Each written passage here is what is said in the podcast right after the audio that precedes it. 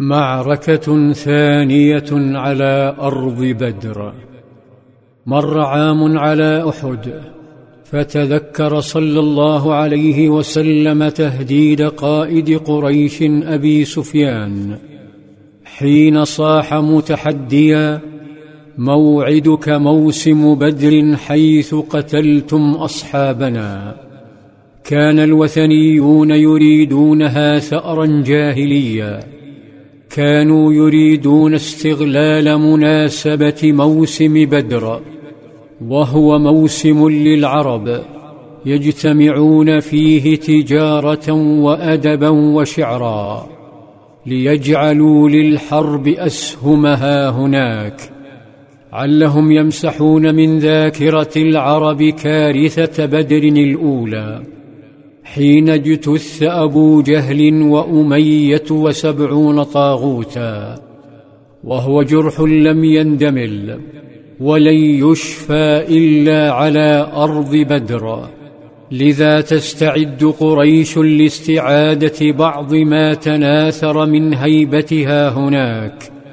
لا سيما والعرب سيكونون هناك. فليكن لأبي سفيان ما يريد.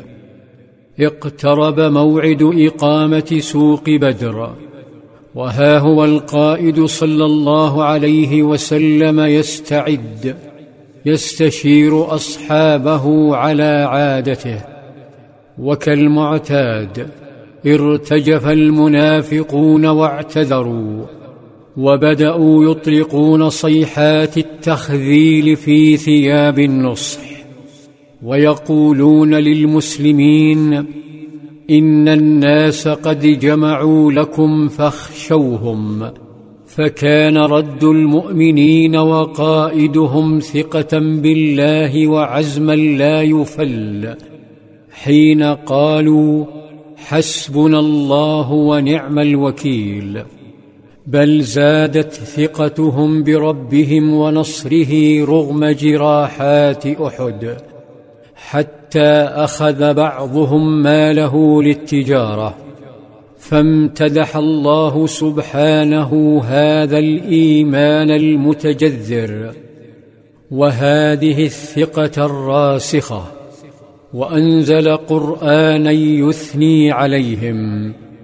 الذين قال لهم الناس إن الناس قد جمعوا لكم فاخشوهم فزادهم إيمانا وقالوا حسبنا الله ونعم الوكيل وصل الشجعان إلى أرض بدر فرحبت بهم وذكرتهم بنصر الله ولما وصلوا تلفتوا واستشرفوا المكان فلم يروا أحدا.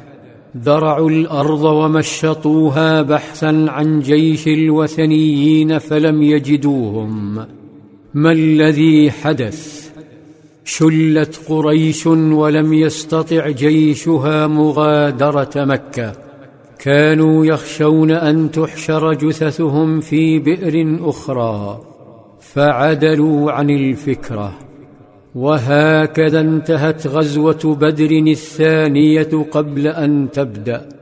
هكذا انهزمت قريش في معركة هي التي طلبتها هي التي حددت مكانها وزمانها.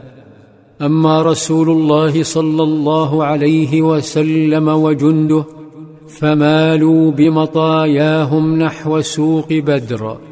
فأتوه وتسوقوا وباعوا واشتروا ثم عادوا إلى طيبة وأنزل الله تعالى فانقلبوا بنعمة من الله وفضل لم يمسسهم سوء واتبعوا رضوان الله والله ذو فضل عظيم.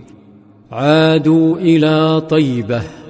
حيث ينتظره وينتظرهم حدث عظيم سيغير المجتمع.